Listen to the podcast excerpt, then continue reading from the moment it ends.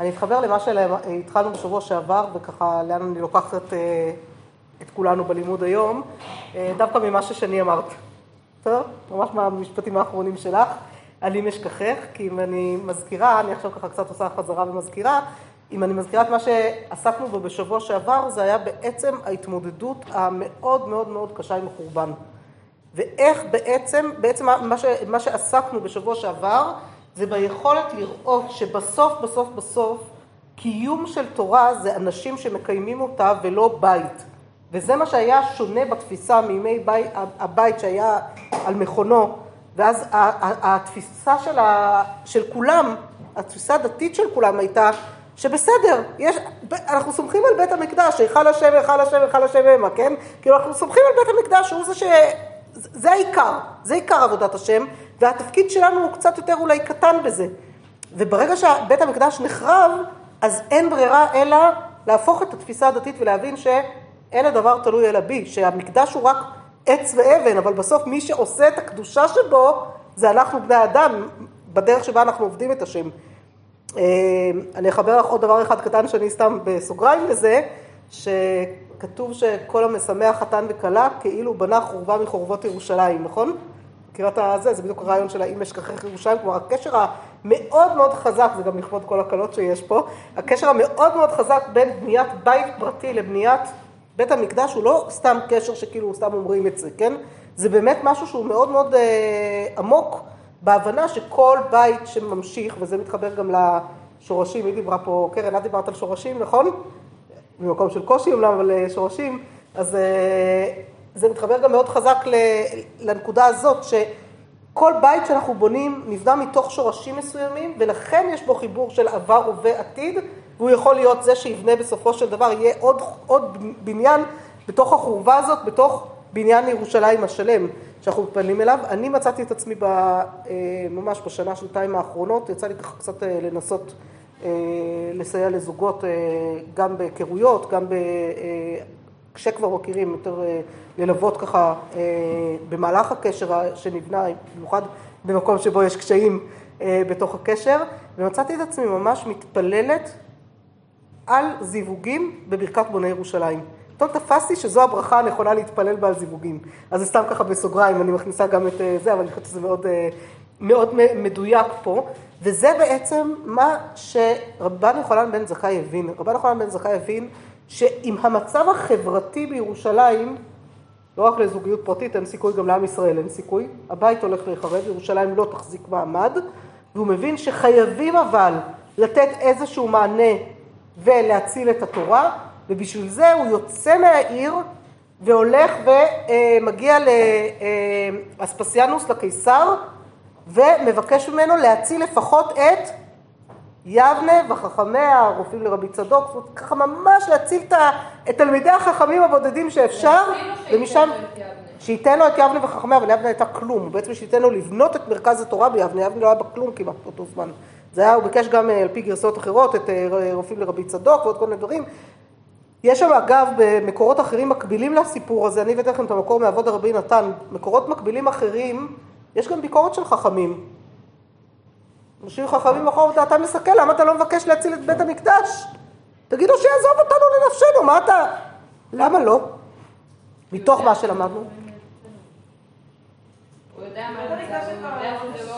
כאילו, של השם. זאת יכול להיות, ויכול להיות שהוא הבין שאנחנו לא ראויים לבית המקדש עכשיו, שהגענו לנקודת שפל כזאת, מבחינה חברתית, מבחינה דתית, מכל הבחינות, הוא רואה מה קורה, מה קורה בין הקנאים בתוך ירושלים, בין הקבוצות השונות בתוך ירושלים שהורגות זו את הוא אומר, גם אני אבקש מאספסיאנוס שיניח עכשיו, זה לא יעזור, העיר הזאת כבר חרבה. בדיוק, היא מחריבה את עצמה, העיר הזאת כבר חרבה, אין לה סיכוי. מה הסיכוי היחיד שלה? בניין תורה, מתוך מה בניין תורה, ופה אני חוזרת איתכם ממש למקור הראשוני, שפת... כאילו לחלק הראשון בעבוד אורינתה נוסחה אה, א', שפתחנו איתו, אמר לו, בני אל ירא לך, שהרי יש לנו כפרה אחרת שהיא כמותו, כמו בית המקדש, מה היא? ואיזה? גמילות חסדים. כלומר, יש תיקון אם מתקנים את החברה. זה יכול להציל. ברור שלא מתכוון רק לזה, יש גם הלכות, יש גם אה, תורה לשמור, יש גם הכל, אבל מה שיציל זה קודם כל חברה תקינה. בסדר? אז זו התפיסה הראשונה, הדבר הראשון החשוב מאוד מאוד שאנחנו לומדות אה, מתוך הסיפור הזה. ואני רוצה שעכשיו אנחנו נעבור באמת למקורות האחרים שנשארו, של כיצד מתמודדים עם החורבן. יש לנו כאן שני חלקים אה, ללימוד הזה. דבר ראשון, יש באמת את ההתמודדות, ההתמודדות עצמה. אם אתם זוכרות, בשיעור שלפני ראש השנה, זה היה מזמן אני יודעת, דיברנו על כלים שבורים ועל האם יש תיקון לכלי שבור, נכון? במשל הקשה עם רבי אליעזר בן אורקנוס ורבי יהושע, ולמה הם כל כך מתעקשים לנדות אותו כדי לומר שיש תקנה, יש תיקון לכלי שבור. פה זה עוד רגע קודם. זה, אנחנו פוגשים את, פוגשות את רבי יהושע שוב במקום שבו הוא מנסה אה, לתקן. אה, נקרא את המקור הזה ביחד מהתוספתא. עכשיו, מי זוכרת מה זה התוספתא? חשוב לי ממש לחזור. זה ברייתות, משניות שלא נכנסו, אבל את צודקת, כי את, את קרובה מאוד גם בזה. מי זוכרת מה זה התוספתא? זה לא פירוש, מה אמרתי לה?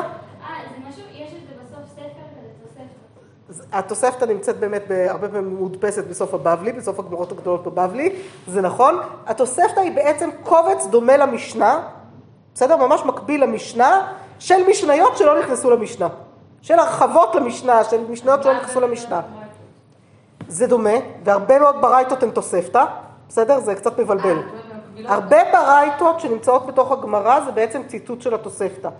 בסדר? אם בודקים, ולכן כשאני, אמרתי לכם, כשאני מתחילה ללמוד עם קבוצה פרק בגמרא, אנחנו קודם כל לומדות את הפרק במשנה והפרק בתוספתא, ואחר כך מתחילות. ואז כבר יש לנו את המרחב של ה... אה, זה, אני מלמדת גם באריאל, באריאל, בלשם, באזור שלנו במתן שומרון, בית המדרש שהקמתי, וגם בזה, מה זה? זה לא מדרשה, זה בית מדרש מתן שומרון, זה לנשים אה, אה, בוגרות, שאני פשוט סניף של מתן שהקמתי בשומרון. אז, אה, אז יש גם, יהיה עכשיו, נתחיל שיעור גמרא בלשם, כי הם ביקשו שם שיעור ויש שם איזה 20 נשים פלוס שרוצות, מדהים.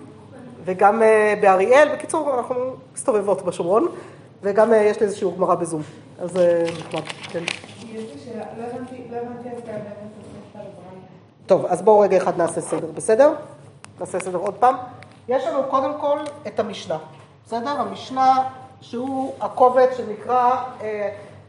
בלשון המחקרית זה נקרא הטקסט הקנוני. מה זה אומר הטקסט הקנוני? כלומר, הטקסט שנכנס ונהיה הספר, נכון?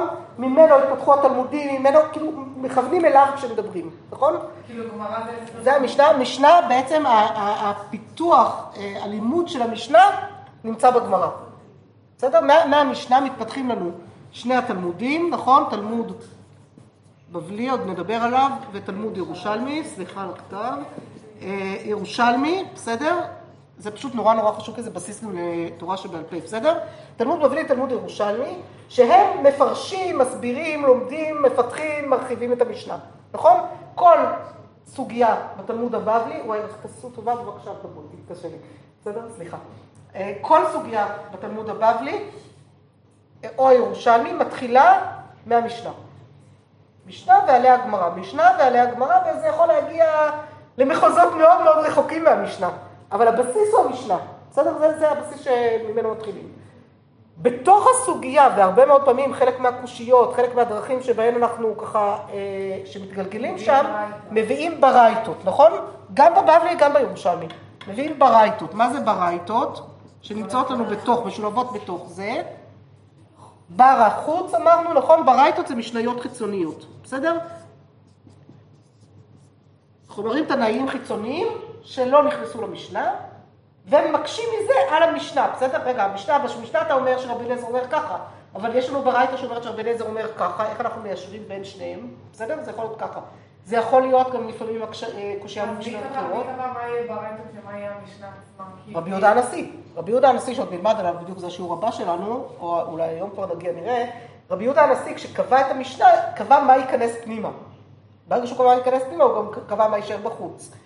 חלק מאותן משניות חיצוניות, הרבה אפילו מאותן משניות חיצוניות, הן התוספתא. התוספתא פשוט זה הרבה משניות חיצוניות שסידרו אותן כקובץ מסודר באותו סדר של המשנה פחות או יותר. מאוד מקביל למשנה, לפי אותן מסכתות אותו דבר. הברייתות יכולות להסתובב. הברייתא יכולה לפתור אותה, אמרת משניות חיצוניות, יש משנה, משהו שיכול לסתור את המשנה הזאת? משהו שיכול כאילו להיראות כסותר את המשנה, ואז השאלה היא, לפי מי מחליטים? האם המשנה, בדרך כלל המשנה יש תוקף יותר חזק מלברייתא, אבל עדיין חכמי התלמוד לא יכלו להניח לזה להישאר ככה. כי אם יש לי ברייתא, יש לי משנה, איזושהי משנה חיצונית שאומרת אחרת, שמעידה אחרת, אז אני צריכה לסדר את הדברים בין שניהם. אני לא יכולה להשאיר את המשנה הזאת כאילו, כאילו זהו, זה מה שהוחלט. כאילו לא, זה קצת מצחיק להגיד את זה, אבל כאילו לא קיבלו עד הסוף את ההכרעות של רבי. קיבלו אותן, אבל לא מאה אחוז, כי אומרים בואו נבדוק אותו. רגע, אבל יש את זה, ויש את זה, ויש את זה. ורבי בעצמו אומר במשנה אחת ככה, במשנה אחרת ככה, ואיך זה מסתדר ביניהם. בסדר? זה, זה, זה בדיוק הלימוד התלמודי. זה הרבה ממה שהגמרא עושה בלימוד התלמודי. שהיא מביאה את זה, אני אתן לכם דוגמה, סתם, אני כאילו רוצה שטיפה זה אה, יומחש וטיפה תבינו,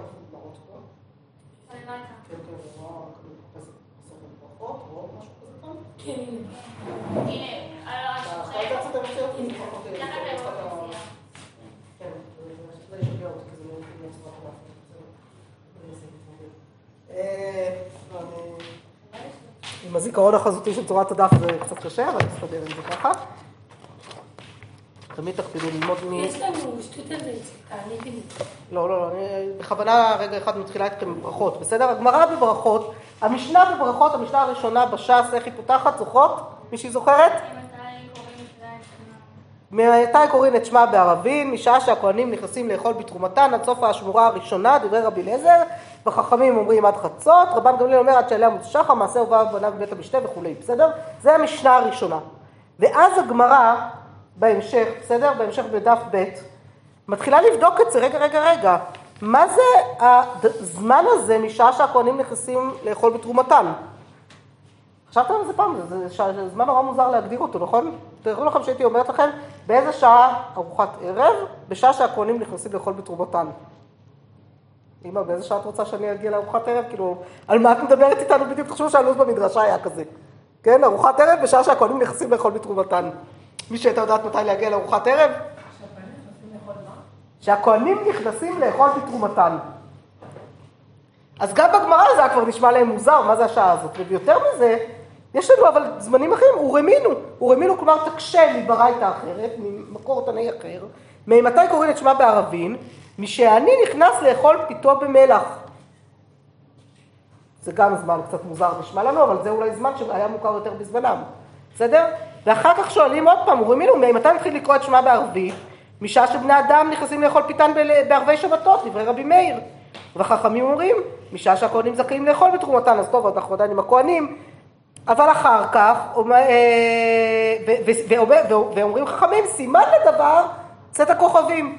או, שהחיינו, סוף סוף הגענו לאיזשהו זמן שאפשר להבין מהו. צאת הכוכבים, אתה יוצא החוצה, רואה כוכבים, אתה יכול להבין. לא כהנים נכנסים לאכול, ולא אני נכנס לאכול, ולא אנשים נכנסים לאכול. אתם מבינות? אז, אז זה, ככה, ככה מסתבכים עם זה, בסדר? העמוד הזה, אנחנו לא נלמד אותו עכשיו, זה לא עמוד קל כל כך, אבל הוא עמוד יפהפה, שווה ללמוד אותו, אבל לא לעכשיו. אבל אתם מבינות איך זה עובד, בסדר? כאילו, למה בעצם ירצו להקשות? כי יגידו, הזמן הזה של משעה שהכהנים נכנסים לאכול בתרומתנו הוא לא זמן מובהק וברור, בטח לא בבבל כבר שמזמן מזמן אין לנו לא כהנים ולא תרומה ולא, כאילו, בסדר? ואז, ואז השאלה, אבל אם יש לי ברייתות אחרות שאומרות משהו קצת אחר, אז למה לא נשתמש בהן? למה רבי בחר דווקא את זה? כלומר, יש כאן המון המון שאלות שאפשר לשאול על הדברים האלה. אגב, חלק מהברייתות האלה, ואחת מהברייתות האלה לפחות, נמצאת בתוספתא. וזה מה שמסביר מה זה התוספתא. התוספתא זה פשוט ממש כמו המשנה, על הסדר של המשנה, לא תמיד הוא באותם פרקים מקביל, אבל כמעט כמו על הסדר מבחינת מסכתות, שפשוט אספו לשם הרבה משניות חיצוניות שלא נכנסו למשנת רבי. בסדר? זה מובן? זה כאילו התוספתא זה הרבה ברייתות כאילו. זה בעצם הרבה ברייתות שמסודרות לפי הסדר של המשנה, לפי אותן מסכתות, כי הברייתות האחרות מסתובבות לנו ברחבי הש"ס בבלגן, אנחנו לא יודעים מאיפה, לאיזה מסכת הן שייכות, בסדר? לאיזה קטע בבית המדרש הן שייכות. לא, התוספתא יש לנו קובץ מסודר, התוספתא זה כן, זה ספר שאנחנו יודעים. הברייתות נמצאות לנו ברחבי הש"ס ומלקטים אותן מכל מקומות. מה זה? כל הברייתות שלנו לש"ס. הלכו לאיבוד. מה שלא נכנס לא לש"ס ולא לתוספתא ולא למשנה, הלך לאיבוד, לצערנו. מה נעשה? מה זה? מה, שאלתי לה? מה אמרת שזה המסכת הקטנה? המסכתות הקטנות זה כל מיני קבצים תנאיים שעובדו הרבה יותר מאוחר. אמרנו שאבות דרבי נתן זה בכלל בתקופת הגאונים. בסדר, זה הרבה יותר מאוחר, אבל הבסיס שלו, החומר שלו הוא חומר תנאי. בסדר? זה, זה קצת אה, מסובך. אני יודעת, זה מסובך הדבר הזה, אבל בסדר, לאט לאט. אנחנו ביחד לאט לאט נתגבר. אז התוספתא במסכת סוטה פרק ט"ו, דרך אגב הסוגריים האלה של ליברמן, זה אומר שזה ההוצאה של פרופסור שאול ליברמן, שהיה חוקר תלמוד, בסדר? והיה גם רב, גם חוקר תלמוד, שהוא הוציא הוצאה מאוד מדויקת של התוספתא, ולכן אה, הטוב ביותר להשתמש במהדורה שלו בדרך כלל, בסדר? זה לא הדפוסים הישנים של פעם, אלא משהו יותר מדויק. אה, זה הליברמן הזה שכתוב כאן, סתם אה, שתבינו מה כתבתי.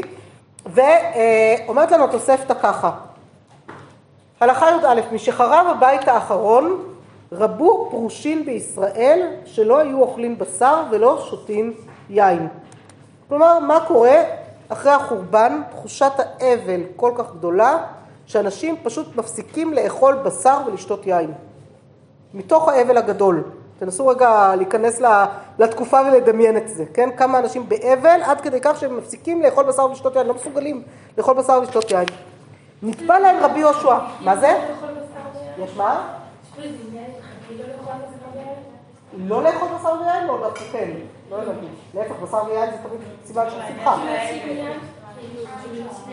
לא, לא, אני חושבת שזה... בואי תראי, בואי תראי למה. בואו נקשיב למה, בסדר? אמר, נקבע להם רבי יהושע. אמר להם, בניי, מפני מה אם אתם אוכלים בשר? רגע, למה לא הפסקתם פתאום לאכול בשר? ואכלתם בשר עד עכשיו. אמרו לו, נאכל בשר שבכל יום היה תמיד קרב לגבי המזבח ועכשיו בטל? איך אפשר לאכול בשר? עד עכשיו הוא הוקרב על המזבח, אז כאילו גם הייתה הצדקה לאכול חולין, לאכול בשר חולין. עכשיו שזה, איך, איך אפשר לגעת בבשר עכשיו? אמר להם, אוקיי, לא נאכל. ומפני מה היה אתם שותים יין? אמרו לו, יין נשתה שבכל יום היה מתנסח על גבי המזבח ועכשיו בטל? אמר להם, אוקיי, אתם צודקים, באמת לא נשתה. אמר להם, אם כן, לחם לא נאכל, שממנו היו מביאים שתי הלחם ולחם הפנים. מים לא נשתה, שמהן היו מנסחים מים בחג. בחג, מה זה החג? סוכות כמובן. תאנים וענבים לא נאכל, שמהם היו מביאים ביקורים בעצרת. שתקו. בשר ויין אפשר להתקיים בלעדיהם, אבל בלי לחם ומים קצת יותר קשה, נכון? תאנים וענבים, כאילו, אין לדבר סוף, זה מה שאני מנסה להגיד להם. אמר להם, בניי, להתאבל יותר מדי, אי אפשר. ושלא להתאבל, אי אפשר. אלא כך אמרו חכמים. יש לנו תקנה. סד אדם את ביתו בסיד, ומשייר דבר מועט, זכר לירושלים. זה הקטע עם הקיר, כן, עכשיו אתם רואות אותו במקור שלו, מאיפה בא המקור לזה. עושה אדם צורכי סעודה ומשייר דבר מועט זכר לירושלים, זאת אומרת שהסעודה אף לא תהיה שלמה בהכל, שיחסר משהו. משהו קטן חסר, אנחנו היום פחות נוהגים בזה. אבל פחות מכירים את זה כזה. פעם כן, היו כאלה, אבל פעם גם השף, כאילו הצורת חיים הייתה שונה קצת, אבל כן, היו... היו מכינים סעודה, היו דואגים שמשהו יהיה חסר, הקינוח יהיה חסר, סתם, הקינוח בטח לא ויתרו. אבל איזושהי מנה חסרה כדי שירגישו את החורבן. מה זה? לא יודעת, אין לי מושג מה, אבל היו משאירים כאילו איזשהו שוני במנהגי סעודה של פעם, שישימו לב לזה. מה זה? זו הלכה שאנחנו פחות רגילים אליה היום, אני חושבת שלא נוהגים בה. בסדר, אנחנו, מתוך כל הדברים של זכר לחורבן היום, תכף אני אגיד על זה משהו, בסדר? תכף נקרא רגע עד הסוף ואז זה. עושה אישה תכשיטים ומשיירת דבר מועט זכר לירושלים. כלומר, לא כל הסט, משהו קטן בלי. חסר, שנאמר, אם אשכחך ירושלים, תשכח ימיני, תדבק לשוני לחיטים אם לא אזכרך וגומר. והנה, מכאן האם אשכחך בחופה, למה שוברים כוס בחופה? למה שוברים כוס? בשביל לשבור כוס, אבל למה אנחנו צריכים לשבור עכשיו כוס? לא חבל על הכוס? באירוסים שאלו אותנו, אתם שוברות צלחת? לא, אנחנו לא שוברות צלחת. למה חבל על הצלחת? בשביל מה? הצלחת שלי שוברים, אין לה שום עניין בהלכה. כוס כן. למה אתה כוס כן? מה זה? למה? יש כאלה שטוענים שאומרים, באותה סיבה של הכוס, אני חושבת על זה, להראות זה, אבל סתם. ולא היה לנו מנהג, לנו לא היה מנהג כזה אף פעם. אז לא לה צלחת כל ויתרנו. חבל לשבור אותה. אני רוצה לשבור את שנייה, אבל אמרתי, מה, זה העניין. זה העניין. זה נכון, זה נכון. לי מהכוס שש- ששברנו בחתונה, הייתה חברה שאספה את השברים ועשתה מזה תמונה. שאני משכך, כן, זה יש לי עד היום בבית. אבל הרעיון של אה, שבירת הכוס, למה? אז הרעיון של שבירת הכוס, בואו תראו שזו לא המצאה אה, שלנו. אפשר למצוא לה מקור, הנה אם אנחנו כבר במסכת ברכות, רק שנייה, אני צריכה למצוא איפה זה. עכשיו, מה זה? זה וואי, זה מה זה קשה לי שזה לא הדף, הייתי צריכה להביא את הגמרא שלי אז. אמ, פרק חמישי, זה צריך להיות פה בתחילת פרק חמישי. אה, אה, אה, אה, אה. הנה, הגמרא מספרת לנו, בסדר?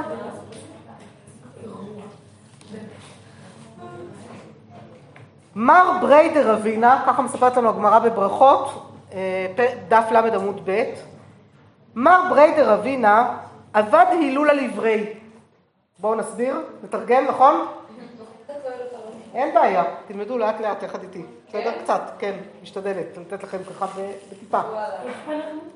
אתם לא בדפים, אני שנייה פותחת לכם ממקור אחר. מר בריידר רבינה, כלומר, מר זה השם שלו, הבן של רבינה, בסדר? אדם אחד שהוא היה הבן של רבינה, רבינה זה שם של מישהו, בסדר? יש אחד החכמים. עבד הילולה לעברי, עשה משתה שמחה הילולה, בסדר? לבן שלו, ברי בנו, כמו בר מצווה. חזרנו לרבנן דהבו קבדחי טובה, ראה אותם את חכמים, חזנו, כלומר ראה אותם חזה, לרבנן לחכמים, דהבו קבדחי טובה, כלומר שהיו שמחים קצת יותר מדי, התחילו ככה קצת, אה, שתו הרבה יין, היו קצת יותר מדי אה, שמחים. הייתי קסא דמוקרא בת ארבע מאה זוזי ודבר קמיו ועציבו. כלומר לקח כוס של זכוכית יקרה מאוד ששווה 400 זוז, יפה 400 זוז, ושבר, ודבר קמיו, ת ת' וש' מתחלפות בארמית, אז דבר, שבר, שבר לפניהם, קמיו זה לפניהם, והם נעצרו, ראו פתאום איזה כוס כזאת יקרה נשברת, אמרו, אוי, פתאום ככה נרגעו קצת, כן? זו הייתה דרך להרגיע. כלומר, יש בשבירה של כוס, וואי, כאילו זה נהיה אבל כל כך כאילו הרגל שזה כבר לא... שכבר לא כל כך מרגישים את הזהו. זה מה שאומרים, כאילו כן, יש את החובות שאומרים, עכשיו אנחנו ואנחנו זכר למקדש ואנחנו לא נשמח ולא נרתע, זה ממש מה שאני אוהבת. נכון, כי, כי אחרת כאילו באמת אנחנו איבדנו, כשאומרים מזל טוב זה כאילו, מה, מה, מה, מה נסגר? כאילו מה מזל טוב? שאנחנו שומעים זה וזוכרים כאילו את החורבן, זה כאילו חותם את החופה ולכן מרגישים את זה. אז באמת הרבה מאוד מקומות מה שעושים זה אה, שרים את האמא משלכם תוך כדי השבירה, ואז זה כאילו לא... נכון, שואלים נגיד, מה אומרים? גם ללהקה, זה משהו עצוב מיד אחרי. או משהו זה, או שאתה... לא, אבל זה, הוא אומר, שרים, תקשיבו, לא, מלא פעמים עושים את זה, שרים על זה, ואז הוא שובר על פידבק, נכון, ואז חוזרים עוד פעם לזה, להזכיר שזה מה שבאמת קשור. עכשיו, אחר כך חוזרים לשמחה. אבל שבירת הכוס היא באמת הסימן לאבל, בסדר? הסימן לא- לאותה אבלות הראשונה זה הדבר המועט. להתאבל יותר מדי אי אפשר. עכשיו, תחשבו שאנחנו כל כך, כל כך, כל כך רחוקים מזה. אנחנו כל כך רחוקות מהחורבן, אבל אני מקווה שעכשיו, ליום הכי שמח בעולם, אבל יחד איתו זוכרים שעדיין השמחה לא שלמה. יש מקום בהלכה לאפר נגיד? אפר מקלה בראש חתנים, בוודאי. כן? בוודאי, בוודאי שזה מקום. זה רק הסכמים. אשכנזים לא עושים את זה. אשכנזים עושים את זה יפה מאוד, בטח שעושים את זה. אצלנו, את רצינית? אצלנו הרב לוקח מהר הבית, מה, הוא קטיף ושנוא. אצלנו כאילו... אז אצלנו, אבא של- אבא שלי למד אה, בישיבת הכותל בשנים הראשונות שלה, ממש אחרי, ממש אחרי ששת הימים הזה.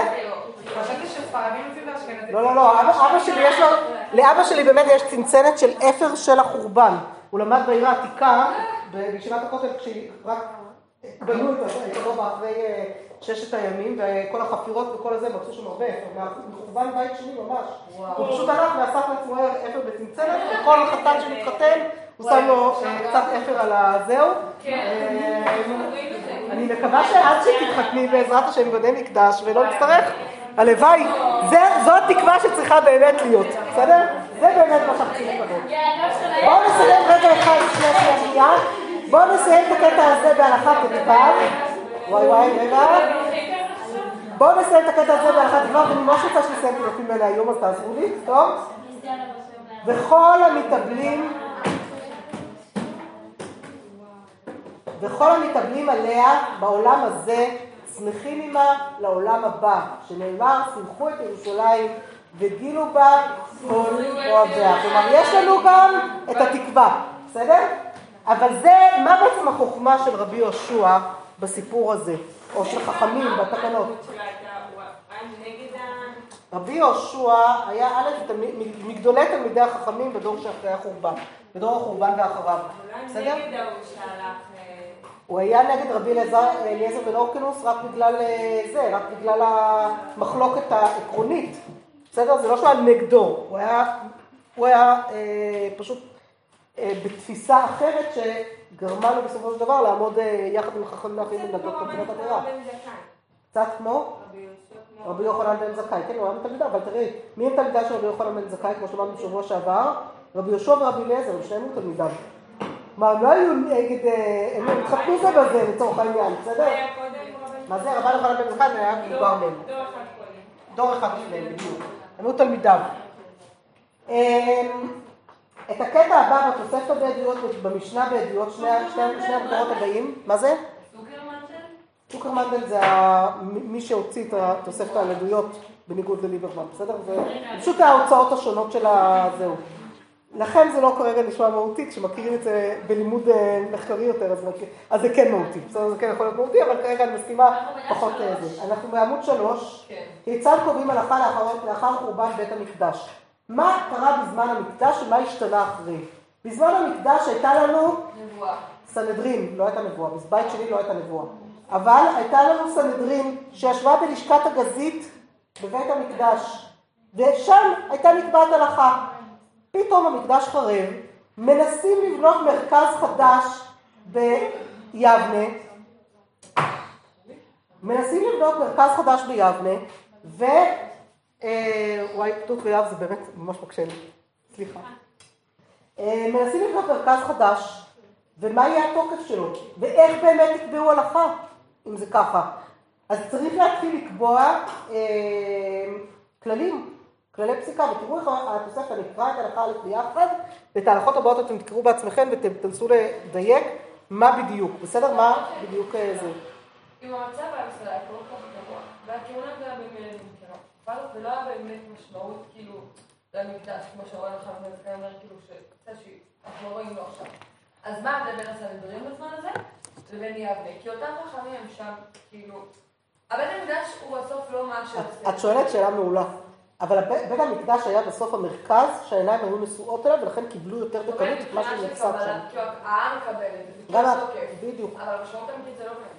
עכשיו בואי תראי מה עוד קרה, וזה בדיוק מה שהתוספת המתארת לנו פה. מי שנכנסו חכמים בכרם ביבנה, אמרו, עתידה שעה שיהיה אדם מבקש דבר מדברי תורה ואינו מוצא, מדברי סופרים ואינו מוצא, שנאמר, לכן הנה ימים באים נאום השם, והשלכתי רעב לארץ, לא רעב ללחם ולא צמא למים, כי אם לשמוע את דברי השם, ונעו מים ועד, אה, מים ועד ים ומצפון ועד מזרח, ישוטטו לבקש את דבר השם ולא ימצאו דבר השם. דבר השם זו נבואה, דבר השם זה הקץ, דבר השם שלא יהיה דבר מדברי תורה דומה לחברו. כלומר, מה החשש הגדול? אנחנו עכשיו מאבדים את המרכז שלנו, וכל אחד יגיד שהלכה טוב. יהיו לנו, זה אומר ככה, זה אומר ככה, זה אומר ככה, זה אומר ככה, יהיו לנו מיליון מחלוקות. איך נדע מה ההלכה? איך ידעו? בבית המקדש היו, אבל היה את הסנהדרין שהכריע. היה את המרכז הזה, שכולם באו וידעו שמה שאומרים שם זהו. זה גובר שם. מה זה? הסנהדרין לא יכולה לעבור קומפלט ליבנה? אז הם ניסו להעביר אותה, והיא עברה, והיא נדדה אחר כך לגליל, והכל הכל הכל, אבל עדיין התוקף שלה ירד מהרגע שבית המקדש כבר, היא לא ישבה בבית המקדש לאט לאט, כי הוא היה חשש שהתוקף ירד, זה לא, לא שהוא ירד, היה חשש שהתוקף ירד ושכל אחד יפסוק הלכה במקומו ויתחיל להיות בלאגן ואף אחד כבר לא ידע איך, איך מכריעים הלכה, ואז אמרו, נתחיל מהלל ושמאי ונקבע הלכה, איך קובעים הלכה מהלל ושמאי, מהמחלוקות בין הלל ושמאי, ומשם ואילך. איך קובעים הלכה? אז את זה עכשיו אתן קוראות בעצמכם, יש לנו לצורך העניין עשר דקות. בסדר? זה לא קטע ארוך. עשר דקות להלכה ד' להלכה ה', משנה ד' ה' וו' בעדויות. עכשיו תראו גם את הקשר בין המשנה לבין התוספתא, כי הבאתי לכם גם משנה עדויות וגם תוספתא עדויות, תוכלו לראות את ההבדלים קצת ביניהם, בסדר? את הדמיון ואת השוני ביניהם, אבל תקראו רגע אחד את זה, עשר דקות בחברות, תגובות, תגובות, תצטרפו. מה זה? את אה, מקור ארבע, מקור חמש. החלקים הלא מודגשים, בסדר? המודגש קראנו יחד. קראו רגע אחד ביחד ונחזור לסכם. אני רוצה לסיים את זה היום. טוב. בואו נסכם את זה ככה קודם כל. אוי, מה יהיה? בואו נסכם את זה ככה קודם כל. קודם כל, אני רוצה שיהיה מאוד ברור מה הכללים שיצאו לנו מכל המשנה והתוספתא כאן. בסדר? תכף נראה איך, איך הגעתי אליהם. אבל יש לנו כאן שלושה כללי פסיקה מאוד מאוד מאוד חשובים, בסדר? שיוצאים דבר ראשון בנושא הזה של מחלוקות. עכשיו, אני חושבת שאחרי הלימוד על רבי אליעזר, אה, על לימודו של רבי אליעזר, אה, הדברים עוד אה, מתיישבים יותר וברורים יותר, בסדר? זה, הם ברורים יותר ומורכבים יותר, אבל, אבל אנחנו מכירים את זה גם ממקום שראינו איך זה קורה בפועל. הכלל הראשון שהמשנה והתוספת מביאות לנו כאן, לעולם הלכה כדברי המרובים, נכון? לעולם הלכה כדברי המרובים, כלומר, תמיד, תמיד, תמיד, כשיש לנו יחיד ורבים, הלכה כרבים. הרוב קובע, נכון? וזה בדיוק מה שאומר לו רבי יהושע אומר לה לבת קול, שכבר ניתנה תורה מסיני, אחרי רבים להטות. זה, זה הכלל הראשון. קודם כל, אם יש לנו יחיד ורבים, הלכה כרבים. שנייה, אני שמה בצד רגע את השאלה של למה להזכיר את דברי היחיד, שהיא שאלה חשובה ו- וקריטית פה, בסדר? הכלל השני שראינו פה, בתוספתא בהלכה ה', מה ראינו? נשאל לחכם אחד, לא ישאל לחכם אחר, אנחנו לא בשוק. בואו נבחר את הרב שבא לי באותו רגע, ואם הוא לא בא לי טוב בעין, אני אבחר את הרב השני. בסדר? מה זה? מה את לא מצליחה להבין, אמונה? היה לי פעם איזה, מה זה פעם? ממש לא מזמן איזו שאלה. הייתי צריכה, הייתי צריכה כאילו לדעת את זה, כאילו, שאלתי את לי שלא. עכשיו זה היה, זה ממש בער לי, חיפשתי, אמרתי חמישה, והחמישי אמר לי, תשמעי, יש מקום להתיר, תקציב, תקציב, נתן לי ככה. אז הלכתי, אני לא, לא רואה ערך בלהסתגף, ואני עובדת את התורה בשמחה, בצורה ש, שהיא גם, היא נוחה לי ומשמחת אותי. היה לי מאוד עצוב אם בסוף לא הייתי עושה את זה, כי לא הייתי עושה את זה אם היו אומרים לי לא, אבל מצאתי את המקום, את הבן אדם, את הרב שאמר לי שכן. והרבה יותר אני חיה בשמחה עם העניין הזה. עכשיו, זה לא, זה לא לעבוד את השם בצ'חצ'חיות של כאילו... זה לעבוד השם, בסופו של דבר אם אסור אז אסור, אבל אם יש מקום שאפשר, הוא לא מקום, הוא לא מקום מבלף כזה. אז שנייה, אני, א', אני מבינה אותך מאוד. בואו נראה מה עושים הכלל הזה. בסדר? בואו נראה נלך איתך, בסדר? נראה. מצד אחד הכלל כאן הוא מאוד מאוד חד וברור. נשאל לחכם אחד, אל נשאל לחכם אחר. למה? כי יש עניין של לקבל את מה שדברי הרב אומר. בסדר? חשוב כדי להכריע נכון לדעת באמת לקבל את הדברים. מצד שני, מצד שני, אני אמונה, אני שומעת את מה שאני אומרת, אבל מה, אבל אם יש אפשרות להתיר, ולי בנפש מרגיש שבאמת הרבה יותר נכון לי, שיהיה לי היתר פה, אז, אז, אז אני אחפש אותו, אז אני כן אמצא, אם יש דרך בכל זאת, אז אני רוצה למצוא את הרב שלי יהיה חכי. שזה כן מותר. שזה מותר, ברור, מה זה לא לכל דבר? לא, לא לכל דבר. תקשיבי, יש כל דבר ש... יש דברים שהוא אסור, אביטל, אני מסכימה איתך ולא מסכימה איתך. יש דברים שהם אסורים. זה רב שלא ברור מאיפה הוא מתיר לך, אבל אם זה רב שיש לו גב וזה רב... אבל ורב שעשה לך ויש לו גב. סבבה, אבל שנייה, זה לא אומר שקטניות בפסח הם אוכלים, אז מה, הם אוכלים חמץ? לא, יש ויש, יש... יש איתו פסיקה. עכשיו שנייה, שנייה, אני רוצה עוד רגע גם להתייחס לזה ככה במבט אני רוצה להגיד על הכלל הזה, אני רוצה שנייה על הכלל הזה, רגע, על הכלל הזה אני רוצה כן להגיד דבר חשוב. כמו שאנחנו יודעות, יש איתו פסיקה ולא תמיד הפסיקה מאוד צריכה לקבל אותה. זה לא אומר שאני עושה משהו חטא, כן. בואי נראה אבל איך עושים את זה נכון, יש דרך. הדרך היא כזאת, אם אדם שאל שאלה והוא מרגיש שהרב לא בעצם מה קרה לכם אולי בסיפור הזה, כמו שאני מספרת? את שאלת שאלה, והנפש רצה מאוד תשובה מסוימת. הרב שמע את השאלה שלך, וכנראה לא שמע את הנפש שלך. הוא שמע את השאלה, אבל הוא לא היה מסוגל לכוון לצורך שלך, באמת. אז אולי הוא לא שמע אותך עד הסוף. ואז כשהלכת לעוד רב ועוד רב ועוד רב, בסוף הגעת לרב, שהבין מה את שואלת והבין מה הצורך שלך, כמו שאמר לי פעם, פעם סיפר לי מורי ורבי הרב אריאל הולנד, לימד אותי במתן, אה, ואדם שהוא תלמיד חכם מאוד גדול. שאלתי אותו על איפור בשבת, האם מותר להתאפר בשבת. אמר לי, את יודעת מה? פעם ראשונה ששאלו אותי, הייתי באיזה, לימדתי באיזה כולל של חבר'ה חרדים, הם שאלו אותי אם מותר להתאפר בשבת, אמרתי להם לא. וראיתי את כולם מחבירים. הם ידעו שאין אין סיכוי שזה יתקבל הדבר הזה, כן? הפסיקה הזאת. ואז אמרתי, את שומעת קטע, אשתו לא מתאפרת. כן, הוא לא יודע בכלל מה הצורך. אז הבנתי שרגע, רגע, רגע, יש כאן כנראה איזשהו צורך שאני בכלל לא מתחיל להבין אותו.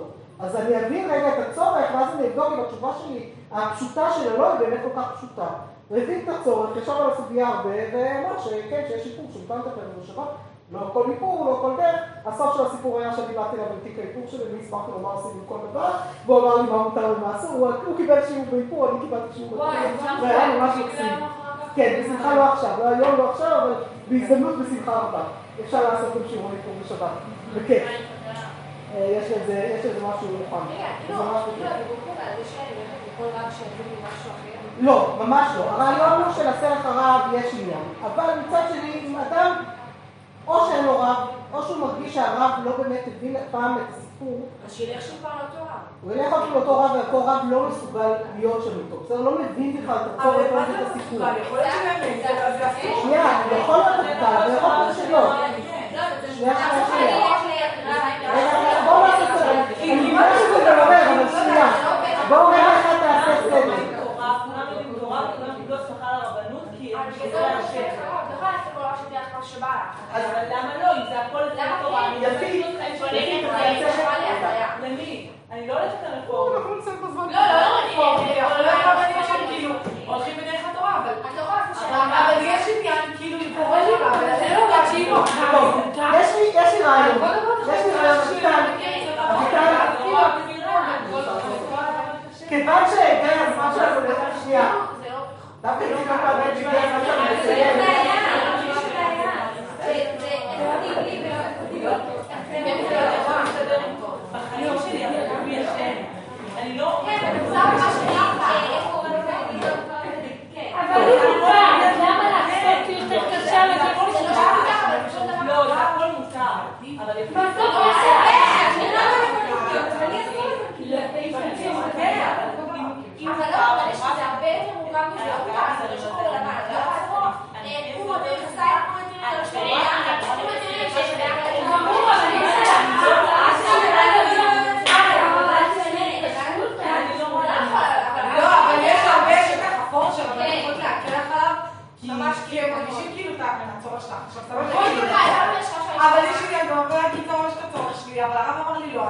Amén.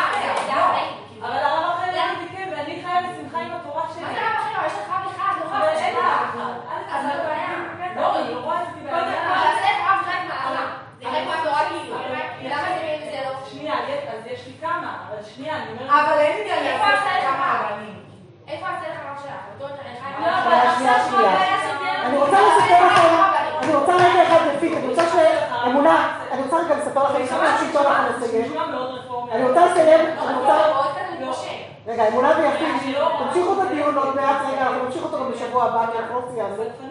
בסדר? אוי, אני לא יכולה. רגע. אני לא מהגדולי רבנים שיכולה ללמוד תורה בלי להישען על הכיסא כדי לא ליהנות מהעולם הזה. והיו גדולי רבנים, אני לא במקום הזה, ואם אני אשים את עצמי במקום הזה, אני גם כנראה אפול מאוד מאוד מהר. אבל מה זה נהנות מאוד, אני- אין מה לעשות, כאילו, בסוף כאילו יש תורה ויש מצוות ויש חוקים ונכון, ויש תורה של טענה, נכון, באתי לאכול בשר וחלב ולאכול אבל זה אף אחד לא יותיר לי. יש דברים ש... בסדר, בשר וחלב זה קיצוני, אבל יש דברים לא, אבל שאומרים שאומרים- לך והם לא נכון, כאילו, מה לא יכולים למי? למי לא יכולים? עם יאללה, התורה יש התורה יש לי אמרה, יש ומי? זה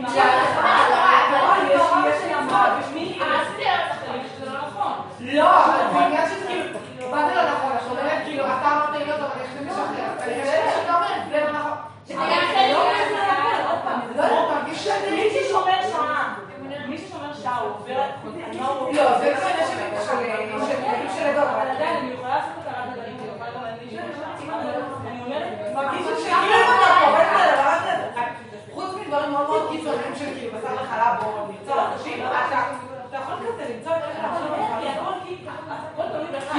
על אלפי רבנים ועל אלפי גישות, אני מוצאת את האמת שלי בכל רב, ומרגיש לי כאילו, אתה מוצא את האמת בכל, כאילו, כאילו... אז בואו רגע אחד, בואו רגע אחד ננסה לחבר, אה, לסגור, פשוט אנחנו כבר אחרי אחת ורבע, וזה גם זמן שלכם של הפסקה, ארוחת צהריים, לא יודעת מה, אה, נכון, לא כאן אה, זה, ואני רוצה שאנחנו כן ננסה לסגור.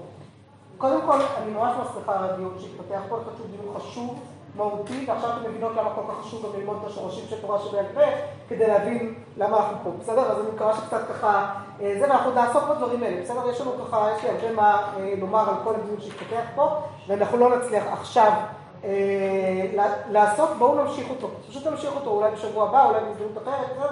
אני משאירה את זה ככה באיזה הולד קצת, כן, ברירה כרגע, אבל אני רוצה שנייה רק לסגור את מה שהיה לנו פה במקורות האלה, כדי שלא נצטרך להתחיל מהם עוד פעם בשבוע הבא, וכן, אני אמונה ואביטל משאירה את הדיון הזה, ויפית, בסדר, כל מי שדנה כאן ככה וקפצה, משאירה את זה, אנחנו עוד נחזור, בסדר? את זה.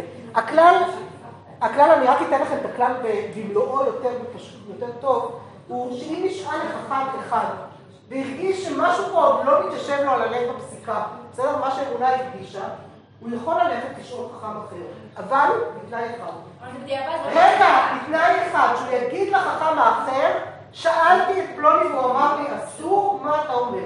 לאותו חכם לכאורה, אסור לענות לו משהו אחר. אחרי שכבר הייתה פסיקה אחת, הוא לא יכול לחלוק על דברי חברו. אלא,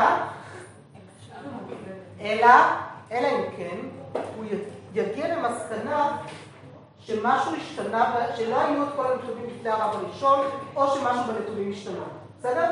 כלומר, יש כאן איזושהי היררכיה של איך אנחנו שואלים שאלות, ומה יכולה הפסיקה, וצריך עוד להרחיב בזה. תזכירי לי, אפילו בשבוע הבא בשמחה נחזור לשם. בסדר, אבל הכלל הפשוט הזה, הכלל העקרוני הזה, של ישאל לחכם אחד, לא ישאל לחכם אחר, הוא כלל צריך לדעת אותו, ואם יש לך קושי לגביו, אז את יכולה גם לשאול על זה. בסדר? ובשמחה אפשר גם לפתוח, ואני תמיד, אתם יודעות, המספר שלי, יש לכם אותו, אתם יכולים לשאול אותי, זה בסדר, בשמחה. אפשר להמשיך את הדיון גם אחר כך בפרטים הקשים שעוד צריך. עוד, וגם אפשר להמשיך אותו פה בשבוע הבא. אני רוצה רגע אחד רק לסכם את הזה. עוד כלל פסיקה מאוד מאוד חשוב שיצא לנו פה, גם כן בהלכה ה', זה הכלל של ספק דאורייתא לחומרה, ספק דרבנן לכולה. זה כלל שאנחנו עובדים אותו בהלכה בלי סוף. מה זה אומר? שאם יש לי ספק באיסור תורה, שאני לא בטוחה אם זה מותר אסור, באיסור תורה אני אחמיר. אני אגיד, זה איסור תורה אני נזכרת פה, אני אחמיר בו. אם יש לי ספק באיסור דרבנן, אני אנקוט פה בדרך כלל יותר לקולא. בסדר? זה תלוי, מה זה לקולא? כמה אפשר להקל? זה לא תמיד כזה פשוט, אבל זה הכלל הבסיסי, וזה כלל שבהחלט בהחלט עוזר לנו הרבה מאוד בהרבה מאוד דברים. בסדר? וכל דברים שהם דאורייתא אנחנו מחמירים יותר, ודרבנן, למה? כי דרבנן זה כבר סייג על דברי תורה, זה כבר צעד אחורה מדברי תורה. ולכן זה הגיוני גם, הכלל הזה. מה רציתי לשאול אותי? אני פעם שאלתי כאילו, מאיפה הרבנים ידעו להגיד כאילו את ההלכות וזה, ואז אמרו לי שזה כאילו גם מהתורה, כאילו. הבסיס הוא בתורה, בוודאי. אז כאילו, זה כאילו אומר, אם זה גם התורה, גם זה לא מחמירה. בסוף גם הרבנן הוא מהתורה. הרבנן בא אבל לעשות גדר לדברי תורה. בסדר? ואז אני מרחיק אותם מזה. כשאני מלמדת קלות, בהתחלה בהתחלה, אני תמיד אומרת שהפעם היחידה בכל ההדרכה שאני מבטיחה להם, הפעם היחידה בכל ההדרכה שמשמעו ממני את המילה כרת, יורה את הכרת, זה במפגש הראשון, כשאנחנו לומדות איך הגענו מהבסיס של התורה למה שאנחנו שומרות היום. למה? כי אחרי כל מה שנוסף לנו בעם ישראל לאורך השנים בהלכות מידה, הסיכוי של אישה לעבור על הלכות מידה, על דברי תורה, להיכשל באיסור תורה ולמידה, הוא מאוד מאוד מאוד קלוש, בסדר? הוא מאוד רחוק. ולכן אנחנו נמצאות כמעט כל הזמן ברובד של דרבנן, כמעט כל הזמן. אבל אומרים כאילו ש... ואז יותר קל לי, כי אני נמצאת במקום שהוא יותר רגוע, ואני אומרת שכנגדן, כנגד הלכות מידה החמורות האלה, יש לנו גם מצוות דאורייתא חמורות אחרות, כמו דווקא החמורות מה זה? שנייה, שנייה, שנייה, משהו שתיים לאחד? רגע, מה שאלת שלי? אני שמעתי אמרת שכאילו המציאו הלכות נוספות, לא המציאו לעשות גדרות. זה הלכות של התורה, סייגים. וגדרות לקחת רחוק יותר שלא נוכל להיכשל בדברי תורה ממש. מה שאלת שלי? לא, אמרתי, אמרתי משהו בקשר לזה, שלכן גם אומרים שהמצווה, נגיד ברבנן, זה לא שאת יכולה פתאום לעשות את זה כאילו ברבנן. התוקף הוא אותו תוקף, אבל כאילו עונש, החיוב הזה, הוא פחות מהתורה.